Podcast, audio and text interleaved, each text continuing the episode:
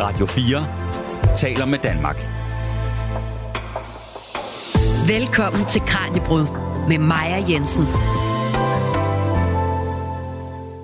I dagens program skal vi rejse i tiden. Sammen med dagens gæst, som er professor i arkeologi, går vi i fodsporene på de håndværkere, der boede i Ribe i år 700, altså lige før vikingetidens begyndelse. Ribe er Nordens ældste by, men hvorfor opstod der en by lige der, hvor det moderne Ribe ligger i dag? Og hvad lavede og arbejdede beboerne med i deres små huse på den gamle, gamle hovedgade? Det kan du blive meget klogere på, takket være forskningsprojektet Northern Emporium, der lavede udgravninger i Ribe i 2017 til 2018. Projektet det er beskrevet i to bøger, hvoraf den anden og sidste udkom i februar i år. Northern Emporium Volume 2 The Networks of Viking Age Ribe. Og det er altså nogle af de fund og håndværk, der bliver beskrevet i den bog, som vi tager fat i i dag, sammen med bogens redaktør, som også har stået i spidsen for Northern Emporium-projektet. Mit navn er Maja Jensen. Velkommen til Kranjebrød. Du lytter til Radio 4. Og så vil jeg gerne byde velkommen til dig, Søren Sindbæk. Tak skal du have. Søren er professor i arkeologi ved Institut for Kultur og Samfund på Aarhus Universitet, og han har stået i spidsen for Northern Emporium-projektet, som har haft til formål at udforske centrale spørgsmål omkring Nordens ældste urbanisering gennem arkeologiske udgravninger. Og så vi har jo tidligere lavet et program, der handlede mere specifikt om projektet. Men hvis nu lytterne ikke lige har hørt det program, eller de ikke helt kan huske, hvad det var, vi talte om for et halvt års tid siden, vil du så ikke hjælpe med lige at opfriske vores hukommelse? Hvad var det for et udgravningsprojekt, I gik i gang med der i 2017? Vi gik i gang med en udgravning nede i Ribe, som man jo har vist i mange år var øh, Øh, ikke bare Danmarks ældste by, men markant ældre end andre bybebyggelser. Men vi har ligesom savnet den der store udgravning, der kunne give os svarene på, hvordan det her sted hang sammen, og hvad det til historie var. Og den fik vi mulighed for at lave i 2017 og 18, fordi Carlsbergfondet øh, bevilgede penge til det. Det er jo sådan, at man som arkeolog i Danmark normalt er begrænset til øh, at grave der, hvor der skal bygges et eller andet. Øh, men, men her var der for en gang skyld øh, en mulighed for at gå ind og vælge selv og løse øh, en masse spørgsmål, som øh, vi, vi gerne vil have svar på. Ja. Hvor stort et område er det, I har udgravet? Den udgravning, vi kunne lave, den var selvfølgelig betinget af, at øh, der jo desværre, øh, eller heldigvis kan man sige, stadig bor folk i Ribe, Ribe i dag. er stadig en by ja, i dag. Øh, og, og har været det i øh, næsten hele tiden øh, siden øh, starten af 700-tallet. Øh, så vi måtte gå ned øh, igennem øh, gaden et sted mellem husene, og derfor så kunne vi øh, komme til at udgrave, hvad der i virkeligheden svarer til sådan en husgrund og det tilhørende gadeareal og lidt af nabogrundene øh, i midten af vikingetidens ribe. Og det er, jo ikke, det er jo ikke forfærdeligt meget, når man gerne vil forstå en hel by. Men det er langt bedre end det, vi havde øh, på forhånd, som var nogle små øh, nødgravninger, øh, der var blevet øh, lavet over årene med, med meget held indimellem mm. og stor dygtighed, men som øh, altså ikke havde haft den der mulighed for at, at øh, lægge et større område åbent. Men nu fik vi altså den her øh, husgrund, som altså svarer til sådan et, et, et, øh, et byhus, øh, også, også i dag i størrelse. Det var jo altså sådan 10 meter langs med, øh, med gaden. Vi kunne grave ud sådan fra gadeplan og så tilbage om mod baghaven. Og, øh, og der kunne vi altså grave ned igennem øh, op til 2,5 meter af øh, det, vi kalder kulturlag, altså ting, som mennesker har smidt fra sig over århundrederne. Øh, og det kunne vi gøre på det sted øh, på en ganske usædvanlig måde, fordi lagene ligger utrolig intakt. Det er ikke nødvendigvis super velbevaret øh, i den forstand, at det er jo noget sur jord, man har derovre i Vestjylland, så knogler og metaller har det altså ikke så fantastisk godt. Men de ligger der, hvor de er lagt. Og i mange tilfælde, så kan man altså simpelthen følge de her lag, så når folk har lagt et lergulv i deres hus, så ligger der altså stadig. Og det skidt, som de har slæbt ind, og det rod, der er lavet, når der er bygget et nyt hus, det ligger simpelthen ovenpå. Og lige netop det, det er jo en gave, når man er arkeolog, fordi så kan man jo forstå, hvordan tiden er gået, så det er ikke bare en stor rodebunke af ting, der er, er, er uden for sammenhæng. Men hvis man ellers kan finde ud af at få øh, skilt tingene ad på den rigtige måde, så kan man simpelthen dels forstå det ene hus efter det andet. Hvad er det, der sker herinde? Hvad er det, der sker i huset, der bliver bygget bagefter? Og dels så kan man jo sætte det ind i en historisk sammenhæng, så vi kan følge i mange tilfælde øh, helt ned på enkelte årtier, hvad der sker i løbet af øh, 700-800-tallet i Ribe. Det, som vi kan se, det er jo, at øh, for hver 10, 15, 20, nogle gange 30 år, så bliver der bygget et nyt øh, hus. Det er jo relativt simple huse af øh, hvidjefletter, cleaning og tækkede tage, mm. øh, så de holder jo ikke evigt. Men med jævn mellemrum bliver der altså bygget øh, et nyt hus på stedet. Og det, der så er så dybt fascinerende, det er jo så, at når man så skralder gulvlaget af det, så finder man noget helt forskelligt fra det, der var i huset før. Og der kan vi altså se, at det er, øh, det er de samme beboere, der har boet øh, og haft nogle bestemte aktiviteter, nogle typisk nogle bestemte håndværk i en, en periode. Formodentlig det, der øh, svarer til en, en generations voksenliv i, i, øh, i vikingetiden, fra man, øh, kan man sige, stifter, øh, stifter hus og familie, øh, og så til man dør formodentlig øh, som omkring 40 år. Ja. Det er selvfølgelig lidt et tilfældigt udvalg af indbyggere, vi får. Men vi får altså et, et meget broget billede. Og, øh, og nu til dagens program, så har vi jo altså øh, tilladt os at sprede dem ud, fordi vi kan jo se, at de her forskellige håndværkere har været øh, i byen også på samme tid. Så hvis vi nu forestiller os, at de ikke, øh, som tilfælde er, altså kommer til at bo oven på hinanden over, over 200 år, men vi, lige, vi, vi lader som om, at vi kunne gå ud og besøge dem, så får vi altså en slags indtryk af, hvad det er for et, et øh, meget, meget specielt sted, vi er kommet til. Ja, og nu sagde du tidligere, sådan, at, det er, øh, at I kan spore det tilbage til starten af 700-tallet. Hvorfor er det, der opstår aktivitet på det her sted i starten af 700-tallet? Ja, det er jo et af de rigtig store spørgsmål, som vi gerne vil forstå mere af. Og det er, øh, det er jo også noget, vi er blevet en hel del klogere på, fordi i kraft af, at vi har kunnet sætte historien sammen i meget større detalje, og i kraft af, at vi simpelthen har kunnet få afdækket nok til at forstå, hvad det er for nogle lag, vi graver ned igennem, så kan vi jo se, at det øh, ikke, som man har sagt mange steder, der man stadig kan se i turistbrochurerne, at det er sådan en sommermarkedsplads, mm. øh, der har været. Men det er faktisk et sted, hvor folk næsten fra starten har flyttet ind og boet året rundt. Det betyder jo altså, at det ikke er øh, bare tilrejsende, der, der stemmer sammen her. Der er altså nogen, der har boet øh, fast på det her sted på en total anden måde end øh, 95 eller måske 99 procent af befolkningen på det her tidspunkt bor ude i nogle selvforsynende bondegårde rundt omkring i landskabet. Og det er noget nyt. Og det vi kan se, hvis vi sådan løfter blikket lidt fra Ribe, det er, at det også er noget nyt, der sker i landene omkring os. Ikke endnu i Skandinavien. Det var lige øh, et stykke tid øh, fra Ribe bliver grundlagt omkring mm. år 700. Men i Holland og i England, der er der opstået nogle kystbebyggelser, som ligner det her, og som øh, arkeologer tit kalder emporier. Og det er sådan et, et ord, man kender fra øh, øh, handelskolonier i øh, op, hvad hedder det, opdagelsesrejsernes tid, øh, eller fra øh, det gamle Middelhav. Og, og det er i virkeligheden sådan et, en teknisk term, som er, er, bliver brugt, fordi folk er ikke helt sikre på, hvad, hvordan skal man forstå dem? Fordi på nogle måder er det selvfølgelig byer, hvis vi forstår byer som steder, hvor folk lever af handel og håndværk. Men alligevel så på nogle måder ligner de ikke rigtig byer. Men det er altså på, det, er det her netværk, som opstår øh, omkring 700 øh, i den sydlige ende af Nordsøen, som Ribe er en del af. Og det, som holder det netværk sammen, det giver næsten sig selv. Det er sejlskibe. Ja.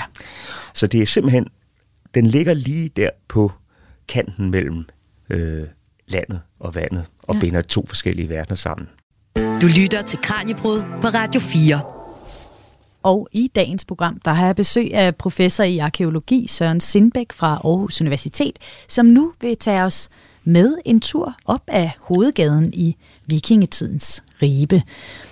Og så nu har vi talt lidt om, hvordan det så ud, hvor stort det var.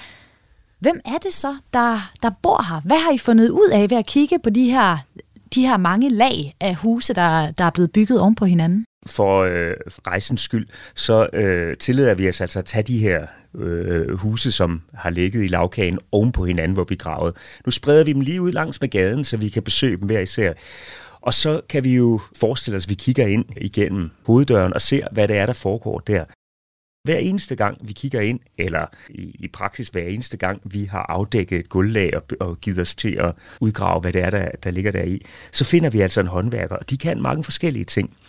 Så i det første hus, vi kigger ind i, øh, der øh, sidder der måske en ravskærer. Det er jo ikke så overraskende, der er rav, fordi vi er ude ved vestkysten. Der ja. har jo været masser af rav at finde. Men det er faktisk lidt sjovt, at øh, i de første, den første generation, hvor der bor folk øh, i Ribe, der ser vi næsten ikke noget rav. Øh, og det må jo være fordi, at øh, det ikke er en handelsvare på det, det tidspunkt. Det har ikke noget værdi i det, det samfund. Jo, de, de går med ravperler, men dem kan de få alle vegne. Mm. Øh, det er ikke noget, der er specielt for byen. Og det er åbenbart heller ikke noget, der har været en, øh, et mål for dem, der er kommet til at handle. Men så fra omkring 730, så pludselig så vælter det ind med rav. Det kan jo til dels være, fordi vi pludselig er kommet ind i, i ravskærens hus, men det ser ud til, at det også er et mønster i Ribe, at, at de første år, der er, de, der er ravskærerne ikke med. Og det sjove ved ravskærerne, det er, at de dukker op samtidig med, at vi begynder at få kontakter, se kontakter fra Østersøen. Og Østersøen er jo i endnu højere grad end Vestkysten, altså det store øh, ravmekka. Så det er faktisk muligt, at, at øh, meget af det rav, vi finder, det er noget, der er, er kommet ind her, fordi man pludselig har fået øjnene op for nogle meget billige importmarkeder, øh, ja. eller nogen, der har masser af rav, de gerne vil af med. Ja. Hvad, hvad bruger man det til? Hvordan bliver det bearbejdet? Ja. Det bliver bearbejdet på mange måder, ligesom det gør i dag. Det er noget, du kan skære i. Du kan øh, nogle enkelte øh, stykker kan vi se har været sat på sådan en lille øh, drejeskive og drejet ud. Og man laver selvfølgelig perler, og dem genfinder vi masser af steder i, i vikingetidens verden. Men øh, en anden ting, man laver, er øh, spillebrikker. Altså, øh, vikingetidens mennesker, de elsker jo øh, brætspil. De har rigtig meget tid. Vi elsker også brætspil i dag. Men det er noget, som øh, vi har til fælles med dem. Og de her lækre rav spillebrikker, det er altså en stor vare. En gang imellem, så laver de også sådan helt små kunstværker. En af de smukkeste ting, som, øh, som må ligge der på ravskærens øh, udstillingsbord, det er en lille økse, som er, øh, den er kun 3 cm høj, øh, men den er udskåret helt fint, ligesom en vikingtidsøkse med sådan et, en, øh, en hængende æg, eller skægøkse, som man ja. kalder det. Øh, og et, et meget, meget, meget fint boret hul øh, i den ene ende, så den har været rigtig, rigtig elegant at gå med. Man kan så tænke lidt over det, at øh, vi er altså et sted i verden, når man skal udskære noget pænt af rav, så er det en økse.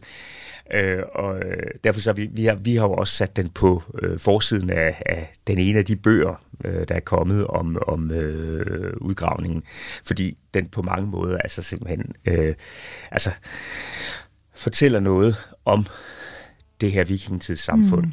Den har jo nok været en beskyttende ting Øh, og det er jo muligt, at vi skal se den som, altså ligesom en Thors hammer hører til Thor, ja. at den er en, en, øh, en reference til, øh, det kan for den tages skyld være Thor eller øh, krigsguden siger. Det kan også være en, en invasion af mytologien, som vi ikke har hørt noget øh, om, fordi vi skal jo huske på, den den version af vikingetidens myter, vi kender til, det er nedskrevet mere end 500 år senere på Island. Så der kan jo altså godt være sket noget med øh, persongalleriet og associationerne på det tidspunkt. Men vi har faktisk fundet to af de her små økser i Ribe. Den ene fandt vi i vores udgravning, den anden er fundet i en, øh, en tidligere udgravning. Så nogen har altså øh, fundet på det her. De ligner hinanden fuldstændig. Det må næsten det være den samme, der har lavet den. Men hvis vi så kigger ind til et andet øh, værksted, så kunne vi finde en væv, ja. måske. Ja, og i virkeligheden så, så er der næsten hvert hus findes der øh, tekstilarbejde. Og at det inkluderer altså øh, de her store opretstående væve. Og dem synes vi, det er rigtig interessant at se, fordi det er jo en af de ting, der også er med til at understrege. Det er altså ikke nogen folk, der bare lige kommer her og, og øhm, bor her i nogle uger i en markedssæson.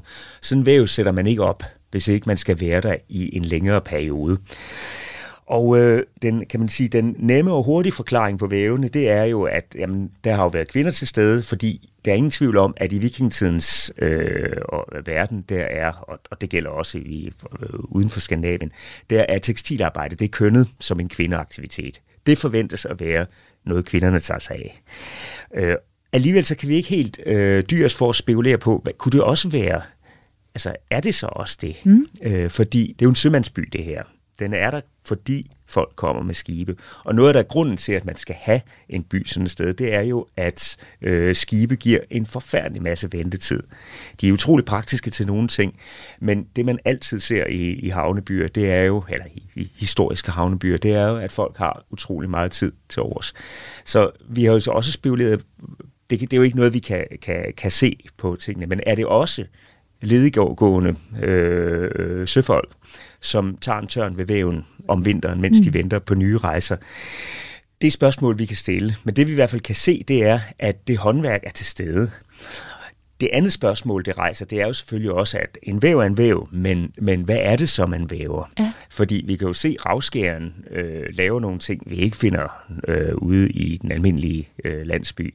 Vi ved, at man i øh, på det her tidspunkt, ud over det almindelige klæde, man skulle bruge til sit tøj, og så selvfølgelig skibsdu, eller sejlduen, som pludselig er blevet en, en ny vare, der er stor, stor øh, øh efterspørgsel på så findes der jo også utroligt raffineret øh, tekstilhåndværk, øh, og vi kan øh, vi ved, at man lavede billedtæpper for eksempel, hvor man simpelthen vævede øh, ikke bare mønstre, men også figurer og scener ind.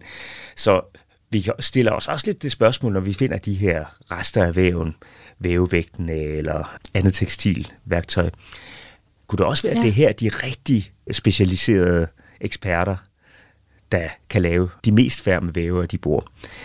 Væven kan i hvert fald, den kan vi se i næsten alle huse. Og øh, når den står der, så er det jo nok fordi, at det er en aktivitet, der tager masser, masser af tid.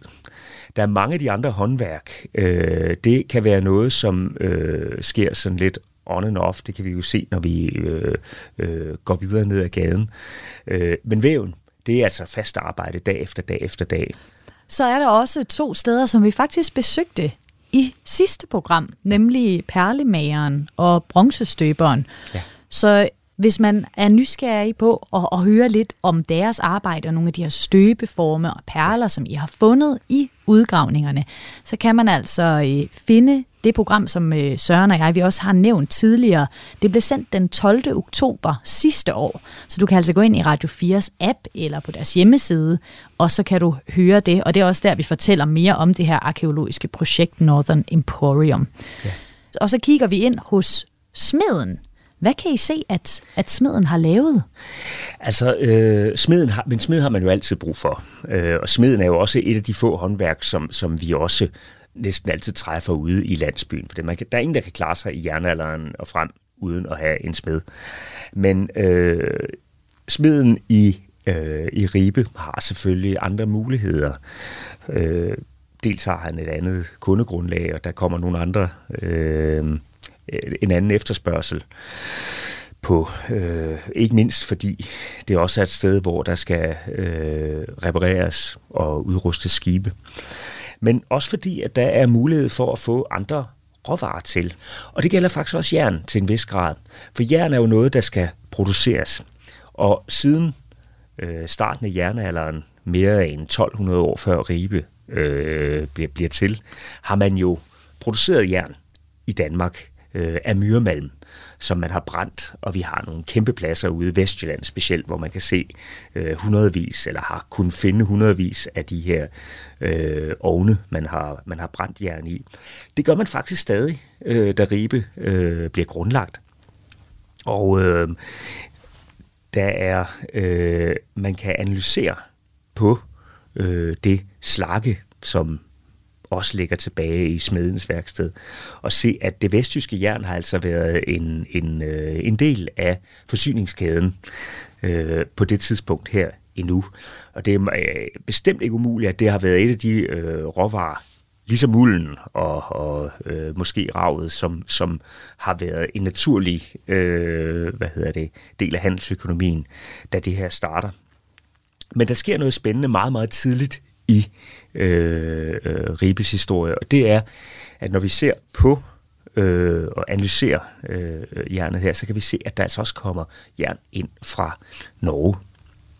Og øh, det er et godt eksempel på noget af det, som vi kan gøre i arkeologien i dag, og som har været en stor del af det her projekt. Altså at vi, vi i dag kan spore øh, tingenes sammensætning og, øh, og dermed deres oprindelse på en helt anden måde, end man kunne for øh, en generation siden.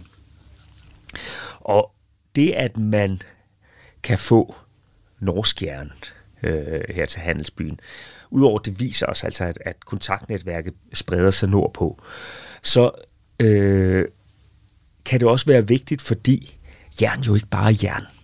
Øh, det har øh, store kvalitetsforskelle, alt efter hvad for nogle andre stoffer, der er til stede i det.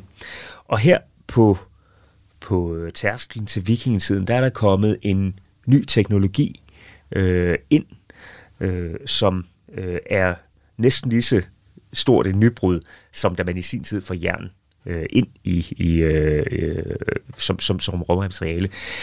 Og det er stål. Altså det, at man forstår, at man kan kulde øh, jernets egenskaber op, så det bliver øh, meget hårdt og, øh, og stærkt. Og i øh, smeden i Ribe kan simpelthen lave det, vi kalder sandwich-knive eller trælægsknive, som, øh, hvor, man, hvor klingen øh, har et stålblad i midten omgivet af blødt, mere smidigt øh, jern, som giver en fantastisk øh, knivsæg. Et helt andet skærende redskab end, øh, end det, som landsbysmeden øh, kan lave. Så selvom teknikken ligner det samme, så igen, der er, kan være voldsom forskel på, hvad det er, øh, en, en, en håndværker kan. Så er, er smeden også, han er jo en nøglehåndværker på den måde, at alle de andre håndværkere, de skal også bruge ham. Hvis man skal lave et skrin for eksempel, så skal man jo øh, så skal man bruge en nøgle og en lås. Og det er en af de ting, vi faktisk kan se, de har lavet i Ribe. Men det sjove ved det, det er jo, at låsen, den skal vi hen til bronzestøberen for at få. Nøglen øh, er lavet øh, meget, meget fin øh, støbning. Men den lås, som nøglen skal bruges til, den skal laves af smeden. Og smeden øh, i Ribe kan faktisk bygge låse øh, for os almindelige mennesker, der ikke er svede, så det virker det voldsomt kompliceret. Øh, og, og, og det har helt klart også været en ting, som har været en specialiseret øh, ting at lave, men altså de kan, de kan svejse, og de kan lodde og, øh, og nitte, og sætte sådan en lås sammen. Men det giver jo kun mening, hvis han også har bronzestøberen til at lave nøglen. Og det giver kun mening, hvis der også er en øh, dygtig snedker, som kan øh, flitte mm. øh, selve skrinet sammen. Vi har faktisk fundet i et af husene, har vi fundet siden af sådan et øh, smukt tilhugget skrin, som øh, sådan en, en, en lås øh, kan have siddet i.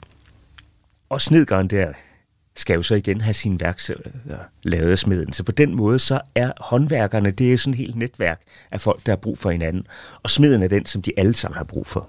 Ja, og det er jo så også endnu et bevis på, kan man sige, at øh, det er ikke bare et eller andet heldigt fund, I har gjort med en masse håndværkere, der har boet på samme adresse. Nej. De må have boet øh, på samme tid, side om side, for at kunne lave de her skrin, som både skal, ja, hvor de alle sammen skal samarbejde om at, at nå frem til resultatet. Altså noget af det, som er attraktionen ved det her sted, udover selvfølgelig, at der kommer skibe, der kommer masser af mennesker til, det er simpelthen dem, de andre, som også bor der.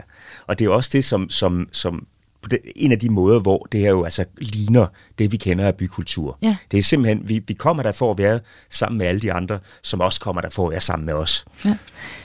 Og øh, der er også et andet håndværk, man kan finde i, øh, i vikingetidens Ribe og de her øh, 100 år før, og det er en kammemager, og det skal vi altså tale mere om nu. Radio 4 taler med Danmark.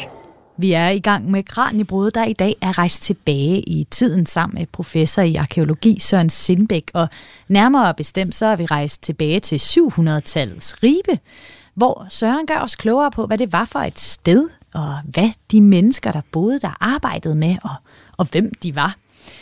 Og Søren, så er der øh, også blevet fundet nogle kamme i byen, som kan fortælle noget om, at det altså også har været et håndværk, man har haft en person til at lave. Vil du ikke fortælle lidt om kammemagerens øh, værksted? Ja, vi kan jo, man kan jo undre sig over, hvorfor, hvorfor netop kamme. Ja. Men vikingtidens mennesker, de elsker kamme det har jo været relativt få personlige ejendomme, man, man øh, sådan gik rundt med på det her tidspunkt. Og selvfølgelig har de også været øh, stolte af at have en virkelig flot kniv, eller et øh, flot bælte, eller kjolespænde, eller hvad ved jeg. Men kammen har en særlig rolle. Altså, vi kan jo se, at den har en særlig rolle, fordi det, de bliver lagt i gravene, de bliver valgt udsmykket. Men det, som jeg tror er særligt ved kammen, det er, at du skal forestille sig, at det, er, det er et samfund, hvor for det første, så er det et samfund uden spejle. Så øh, når man, når man øh, bliver kæmmet, så er det ikke noget, du bare gør selv. Det er typisk noget, som man gør ved hinanden. Og øh, det at blive kæmmet, det er jo, altså de må være lige så forfængelige med deres hår, både mænd og kvinder, som, som vi er i dag, fordi det er en af de måder, du viser, at du er en rask og øh, velforbundet og socialt succesfuld person, hvis du har et flot hår du har ikke lus i håret, det er blevet velplejet osv. Så, videre. så derfor så er der en hel masse forfængelighed, der kan pleje til håret. Og den forfængelighed, den centrerer sig simpelthen omkring kammen, fordi det at blive kæmmet, det er ikke bare at gå ind i et hjørne og, og, og ræg håret. Det er nemlig, at du, skal, du, du mødes med en anden, der siger, måske som en venlighedsgestus, øh, skal ikke lige ræde dit hår. Og øh, så har du selvfølgelig ikke lyst til at række en gammel, grim kamp, der mangler tre tænder op, så vil du gerne vise en rigtig flot kamp. Så det der med, at kampen den er helt central i et meget personligt møde, det kan være intimt, og det kan også være, der kan garanteret også være flørt, og hvad ved jeg i det, men det kan også simpelthen være en, altså kan man sige, en kærlighedsgerning mellem mennesker, eller en interesse og, og, og, og venlighedsytring. Øh, det kan vi faktisk se, at det er op igennem middelalderen, så det er, ikke, det er ikke den store videnskab her. Men det må være det, der er grunden til, at netop kammen, den, den er de simpelthen, øh, hvad hedder det, meget opmærksom på.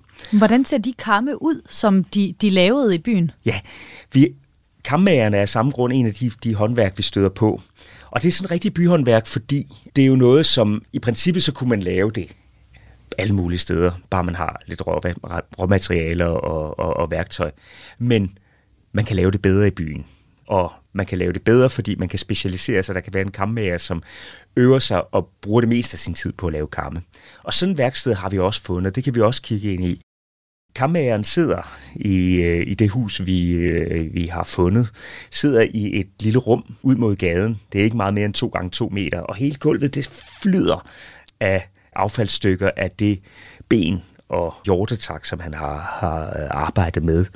Og de kammer, øh, han laver, de er sådan set på størrelse med en typisk kam i dag. Og så har de meget, meget fine tænder, og det er selvfølgelig fordi, de skal bruges som lusekamme. De fleste af de kamme, som bliver lavet der, er som sagt relativt små, så har de sådan noget geometrisk øh, ornamentik oppe på grebet, øh, som øh, de er sammensat af, af mange forskellige stykker ben, fordi man kan jo ikke få et enkelt stykke, der er stort nok. Men de har sådan altså en geometrisk ornamentik, som er helt typisk for Vadehavsområdet, altså det frisiske område, og som vi lige så godt kunne finde øh, hele vejen ned til Holland. Og øh, så mange af dem, øh, de har siddet i sådan et lille futteral, som vi kalder sådan en lille æske, hvor, hvor man øh, sætter dem ned i, fordi så kan man bedre passe på de her meget fine tænder. Og dem har vi altså fundet en håndfuld af rundt omkring i, øh, på forskellige øh, steder i udgravningen.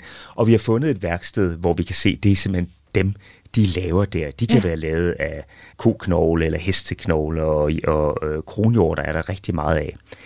Men så fandt vi også nogle helt andre kamme øh, i et af husene. Og øh, ikke, ikke i kammerens eget hus, men øh, i et af de andre.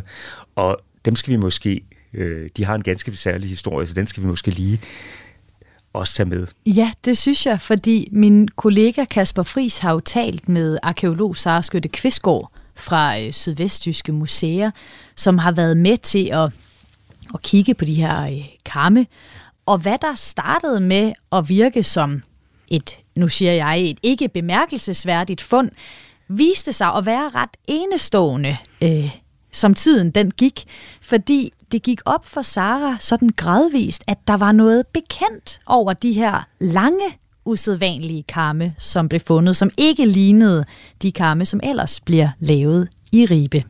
Jeg havde faktisk set dem her før, fordi for nogle år siden, der fandt man øh, faktisk to skibe med begravede vikinger, 40 krigere øh, over ved Saaremaa øh, i Estland, og de hedder Salme-skibsfundene.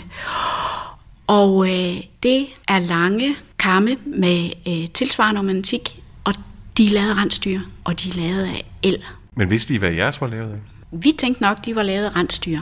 Så sker der det under analysearbejdet, at øh, Søren Tindbæk og jeg, vi udtager 223 små prøver, bitte små prøver. Vi krasser lidt i tænderne og får et lille stykke af, eller tager lidt på indersiden af kamskinnerne ned i sådan nogle små glas, og så øh, sender vi dem til York, hvor at de bliver analyseret med SU-MS.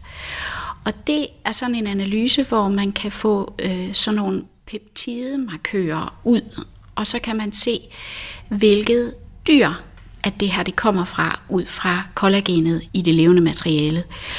Og øh, der skal de der data jo tastes ind, og den øh, skældner ikke mellem, om det er kronhjort eller el, men den sorterer materiale ud, og jeg taster ind, at det er ged eller ko eller hest eller val. Og så kommer jeg til øh, demarantstyr, og så kommer jeg til en, som siger, at den er kronhjort eller. Og metoden den kan ikke skælne, om det er kronhjort eller el. Og så sidder jeg med den her lange, smukke kram i hænderne, med de her kun fem tandplader, og den er jo altså 19 cm lang. Og så tænker jeg bare, jamen det kan overhovedet ikke være af kronhjort. Og så går det op for mig, gud, den kan simpelthen være af el. Og Flugt skriver til Søren og siger, vi har brug for en DNA-prøve. Jeg er så godt som sikker på, at den er el. Den er fuldstændig man til de der karme fra 750 over øh, fra salmeskibet. Og DNA-prøven, det kan afgøre det helt præcist? DNA-prøven, den afgør det helt præcist. Den er lavet af el, og det er den første i Danmark. Og der findes simpelthen ikke el i Danmark på det her tidspunkt. Det, det er fra Sverige. Og det, som analysen dokumenterer, det er, at den er ikke af den polske bestand. Den er af den svenske bestand. Hvilket ornamentikken jo så også fortæller, så alt andet havde været overraskende. Men den er lavet i Sverige. Helt sikkert ikke lavet her i Ribe. Ligesom at de, øh, de tre andre, der er rensdyr, øh, de er heller ikke lavet i Ribe. De er lavet øh, formentlig i Norge. Hvordan kan I være sikre på, at gevierne ikke er fragtet hertil og så øh, lavet her? Vi har ikke spor af øh, produktion af rensdyr, og selvfølgelig slet ikke af el. Vi har materiale fra rensdyr import, altså hvor vi har selve råmaterialet fra 750'erne. I Ribe, der har man igennem hele øh, øh, byens tid lavet kamme ud af kronhjort og af ko og af hest og af val og af ged. Og det har man også på det her tidspunkt, hvor det her hus det bliver opført. Men, men den produktion, den kommer først ind øh, i 750'erne. Har de her norske, svenske kamme haft en, den samme funktion som de danske kamme, eller har de guld noget andet siden man har importeret dem? Det er et virkelig godt spørgsmål. Altså den lokale ribetype, eller frisiske nordsytype, de kan have op til 9 tænder per centimeter. Og det er sådan cirka, hvad, hvad du har i dag i nutidens lusekamme. Så det har de været virkelig effektive med. Der kan man sige, at de her lange skandinaviske, de har fire tænder per centimeter, og det vil sige, at du kan simpelthen ikke øh, kæmme lus med dem. Så det må være noget andet. Altså det er, altså det er bling bling, de er smukke, de er flotte. Vis mig din kam, og jeg skal sige dig, hvem du er. Er du sådan lokal friser, nordsjø-type, så, så er din kam øh, øh, kort og praktisk. Øh, eller er den sådan lidt øh, ekstravagant og ekstra lang, jamen så kan det være, at du er fra det eksotiske nord. fortalte Sara Skytte Kvistgaard fra Sydvestjyske Museer til reporter Kasper Fris. Søren Sindbæk, nu tilbage til dig. Det er jo noget af en rejse, I har været på med de her kampe. Ja, altså det var, det var, det var et fantastisk fund. De var jo, de var jo super flotte allerede, da vi finder dem der i udgravningen. De er så meget, meget flot udsmykket. Og så forskellige fra de der øh, frisiske kamme, som, som vi ellers fandt. Ornament, de er ornamenteret både på, øh, på ryggen og på øh, øh ude på siderne, og utrolig fint øh, skåret til. Så det er en helt anden øh, måde. Og det, det er en måde at, at, at bygge en kamp på, som vi overhovedet ikke ser i de der værksteder, vi, vi, vi lige har besøgt. Så vi var godt klar over allerede, da vi fandt dem, at det var nok nogen, der var kommet udefra. Og så gik jagten jo på at finde ud af, hvorfor, hvordan de hang sammen. Det, som så var lidt sjovt, det var jo, at de her de dukkede op øh, på et ganske bestemt tidspunkt i udgravningen, og altså i et ganske bestemt hus. Og det er faktisk ikke i øh, en af kammerernes hus, det var et helt andet. Det var et meget specielt sted, hvor øh, da vi kom til det, det var et hus, der var brændt. Øh, og, øh, og det giver selvfølgelig altid nogle særlige forudsætninger, når man er arkeolog, fordi det betyder jo også tit, at folk ikke har fået ryddet ordentligt op, som de ville, hvis de øh, øh forlod huset i god råd orden. Men da vi udgravede lige præcis det her hus, der havde vi sådan en fornemmelse af, at man, man var kommet dagen efter festen.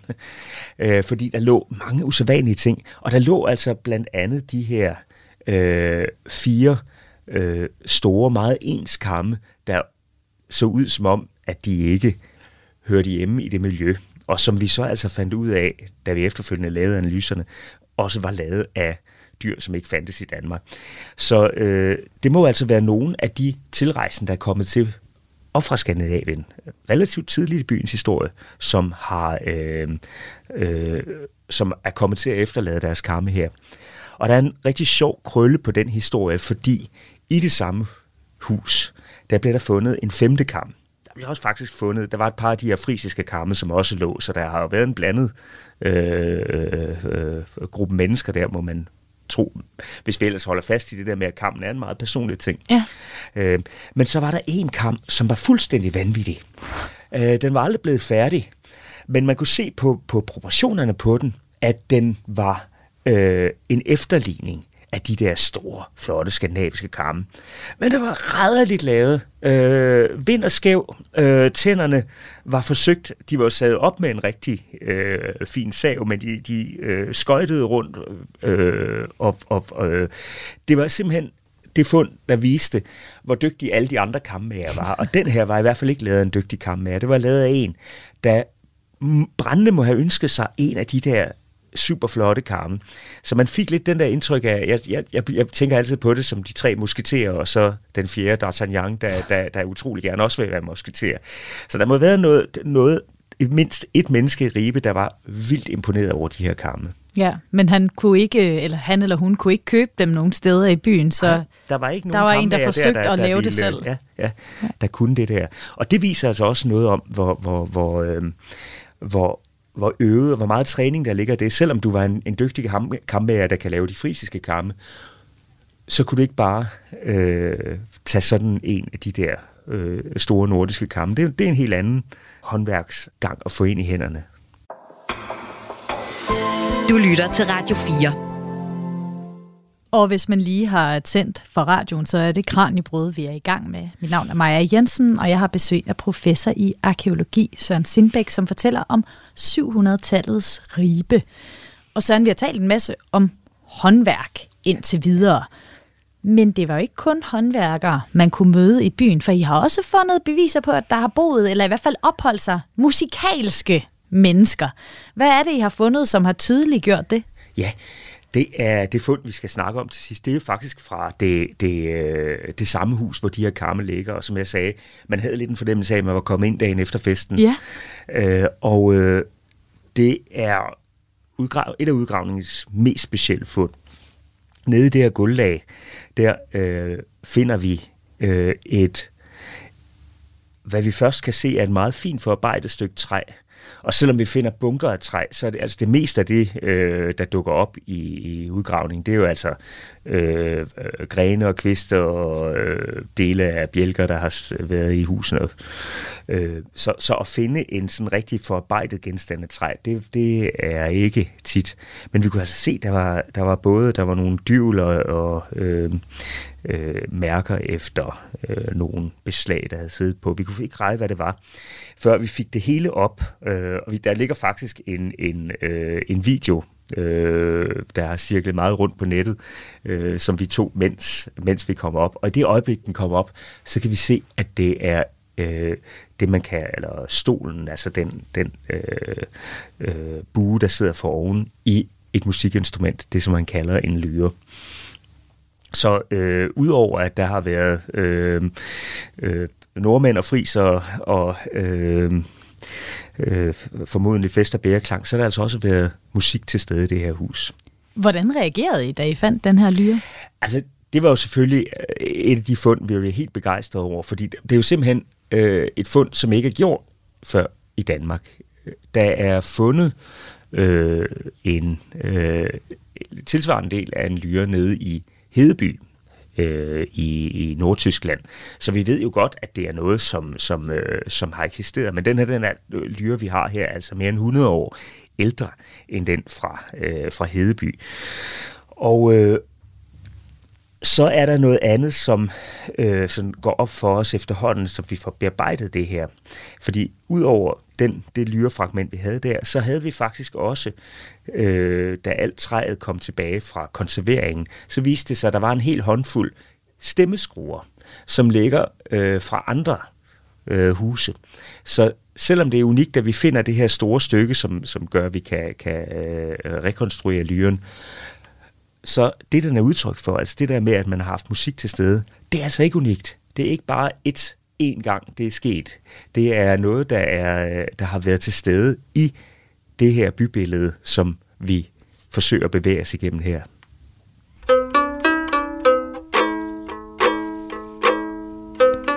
Og på øh, museet Ribes Vikinger, der er lyrestykket udstillet sammen med mange andre af de fund, vi har talt om. Og sammen med stykket, der står en lyre, som øh, er, er lavet af en lokal instrumentmager og vikingentusiast. Og det er hans fortolkning af, hvordan resten af lyren måske har kunnet se ud. Og det er hans musik, som vi hører nu. Han har kombineret nogle fantasier over vikingemusik, som han kan spille på lyren.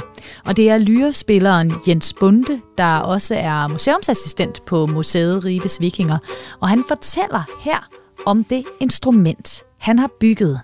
Man skal forestille sig sådan et stykke træ, hvor det, det er udhulet, øh, og så lægger man et topstykke over, sådan at man har en klangrum, ligesom på en guitar. Øh, men til forskel på mange andre instrumenter, så er der ikke noget klanghul i en lyre. Så den er hul, men der, men der er ikke noget hul ind til? Nej, det er der ikke. Men så er der seks strenge på, ligesom en guitar. Øh, strengene de bliver ført hen over sådan en bro, ja. og så er de altså ligesom fæstnet i den anden, anden ende. Øh, ja, de er faktisk fæstnet i begge ender naturligvis jo. Ja. Men på den måde ligner den jo lidt en guitar. Ja, det gør den jo, og, og man kan sige, man, man kan sagtens lave akkorder på den. Hvis man sætter en finger på en af strengene, så bliver den jo ligesom muted, altså siger den ikke noget, men så siger de andre strenge jo et eller andet, og den kombination af, når man muter en streng eller tre, det giver en akkord. Så øh, man har en begrænset udvalg af akkorder. Men hvordan har du fundet ud af, hvordan de nederste 59 cm så ud af, når du kun havde den øverste centimeter? Jamen, jeg har simpelthen kigget på alle de her, øh, øh, eller alle de her, men der er jo fundet nogle lyre. Der er for eksempel fundet Trossing-lyren i Tyskland, og der er fundet Southern Hu-lyren, og der er Oberflach-lyren. Øh, Trossing-lyren, den er næsten fundet helt intakt, og det er... Øh, nogle fragmenter af sådan hu, men du kan stadigvæk se, hvordan de har set ud. Så jeg har jo taget grundformen, og så har jeg jo tilpasset den sådan, at den passede sådan rigtig smukt til, til topstykket. Og hvad er den lavet af? Jamen altså, selve topstykket, det er lavet af noget så usædvanligt som tax. Øh, og tax, det er jo et lidt specielt træ. Øh, man bruger det meget til buer, at lave øh, buer af, fordi det både er fleksibelt og mega hårdt øh, eller sejt. Og jeg vil nok sige, at, at øh, jeg har nok ikke valgt øh, at, at lave topstykket af, af tax. Øhm, det, jeg synes, det er et dumt stykke træ til at lave øh, instrumenter af. Så da vi så kun havde topstykket, og det var af tax, øh, så valgte jeg simpelthen at lave resten af kroppen i, jasketræ, for det er et rigtig godt musikinstrumenttræ. Øh. Er der nogle begrænsninger i instrumentet, tænker du? Altså udover at man skal behandle det rigtig varsomt, fordi det er noget af den er, er taks? Nej, der er sådan set ikke nogen begrænsninger. Jeg vil sige, der er bare muligheder, fordi at det er et meget... Øh, det her instrument, jeg vil sige sådan, man kan give den til næsten en hvem som helst, og har de sat med den i fem minutter, så kan de lave en lille melodi. Den har nok de begrænsninger, at der er et begrænset antal akkorder, du kan lave på den, og, og, og man kan sige, en guitar, der kan du jo spille hvad som helst. Hvis du kan spille guitar, så kan du spille hvad som helst. Det kan du ikke på lyren. Der er nogle begrænsninger, men, men det er så det. Og det var altså lyrespilleren Jens Bunde, der talte med reporter Kasper Fris. Og Søren, i det hus, hvor lyrestykket blev fundet, som der fortalte du også før, at man har fundet de her øh, smukke skandinaviske kammer og nogle af de frisiske kamme. Man har også fundet rester af humle, som kan bruges til at krydre øl, og mosepors, der kan bruges til at krydre øl. Og øh, der var også gulv lavet af egestave fra en vintøne. Har det været en eller anden form for værtshus? Altså, det, det er jo nærliggende. Vi, det, er en, det er noget, vi ikke har svært ved at frigøre os fra. Øh, måske skal vi, fordi det er jo det særlige ved det, at de her ting er blevet efterladt øh, i en brand. Så måske er der flere af de andre huse, der også har haft en karakter, der mere minder om det. Og vi skal jo huske på, at i det her meget specielle sted, øh, hvor folk er, fordi de øh, øh, laver netværk, fordi de er kommet med søfarten, eller skal betjene nogle af dem, der kommer udefra, der må nærmest hvert hus have haft en, en rolle af øh, værtshus, altså et sted, der har beværtet fra tid til anden tilrejsende. Så måske at de sociale aktiviteter, som vi ser så tydeligt her i det, som vi øh, kalder Lyrens Hus, måske er det i virkeligheden noget, som har fundet sted i rigtig mange af de, de, øh, de huse. Og det særlige er her altså, at vi får øh, så meget at vide om det, fordi at tingene øh, blev efterladt det. Men, men det, er, det er i hvert fald tydeligt, at der er sket en masse øh, social omgang. Nu sagde du før, at, at øh, lyrespilleren jo ikke er en håndværker, men det kan man jo faktisk diskutere. Øh, på den ene side, så øh, mange af de lyre, vi har fundet, øh, ja, mange, der, der er en håndfuld dyrefund fra, øh, fra Nordeuropa på det her tidspunkt, øh, men de er fundet i rige gravfund. Og derfor så har man ment, at måske så var det sådan noget, som kun var de særlige øh, øh, rige og fornemme, som lærte at spille lyre. Og den her øh, øh, øh lyre, der er fundet her, det kan godt ske, at den er, den er øh, fin og delikat, men den er også sådan uden særlig udsmykning, og den ligger jo altså i, i øh, hvad hedder det, stykket her, smidt væk i øh, et meget ydmygt hus i Handelsgaden her. Jeg, jeg, øh, øh, tænker lidt på den som sådan en lejerskole-lyre, ja. lejerskole-guitar. Øh, og, og sammen med de andre fund af, af stemmeskruer og andre dele af musikinstrumenter, viser de jo altså, at det var noget, der var til stede øh, i, i det her billede, som mange må have kunnet. Og der er en rigtig sjov beretning fra, der, må, der er nedskrevet, måske faktisk samme år, som det her hus byg, øh, brænder ned. Vi ved, at det er brændt ned lige omkring 730, og i 731 afsluttede den engelske historiker øh, Beda som skriver den første historiebog om England. Han afsluttede sin øh, bog, og der, en passant i begivenhederne et sted, så nævner han en fest, øh, der foregår, eller en festlig sammenkomst. Og så siger han sådan lige øh, øh, øh, i en sidebemærkning, at da lyren gik rundt, øh, og alle forventede sig at give en sang, så var der så en, som, som ikke ville være med. Men hvis vi lige stopper filmen der et øjeblik, så får vi måske et billede af, hvad det er, øh, der foregår her. Det er simpelthen ikke, det er ikke en, en særlig øh, udsøgt øh, ting, men noget, som alle forventes at, at tage del i. Det er en del af den musikalske kultur. Så samtidig, så har vi altså nogle andre kilder, der, der tyder på, at ligesom der i dag er, øh, hvad hedder det, rigtig mange mennesker, der kan slå tre akkorder på en guitar eller et klaver, men kun meget få, der virkelig er øh, øh, fænomenale musikere, så har man i de frisiske love, altså dem, som gælder for, øh, for Nordsøområdet nede i, i Holland, lige på det her tidspunkt, øh, der er der øh, et sted peget ud, der er tre typer håndværkere, som der altså er særlig hårde straffe, hvis man kommer til at, at få ulempe. Det er guldsmede, Det er dem, der kan væve frisisk klæde, altså de er virkelig dygtige væver. Og så er det en lyrespiller, der kan spille i til en forsamling. Så øh, man har altså opfattet det øh, at være en rigtig dygtig lyrespiller som noget, der var et håndværk på linje med det allerfineste. Så selvom at alle måske kunne spille lyre til husbehov, eller forvent, det forventedes, at alle kunne spille lyre til husbehov, så har der stadig været såkaldte håndværkere, altså, ja. som har... Øh... Hvis vi har, hvis vi har Guitar Heroes i dag, så ja. har der formodentlig været, der har været øh, lyrehelte. Lyrehelte. Og med det, så skal vi altså til at slutte af for i dag. Søren Sindbæk, professor i arkeologi, tusind tak, fordi du havde lyst til at være med i dag endnu en gang og gøre os klogere på 700-tallets ribe. Selv tak. Mit navn er Maja Jensen. Kranjebrud er produceret af Videnslyd for Radio 4. Tak fordi du lyttede med. Du har lyttet til en podcast fra Radio 4. Find flere episoder i vores app, eller der, hvor du lytter til podcast. Radio 4 taler med Danmark.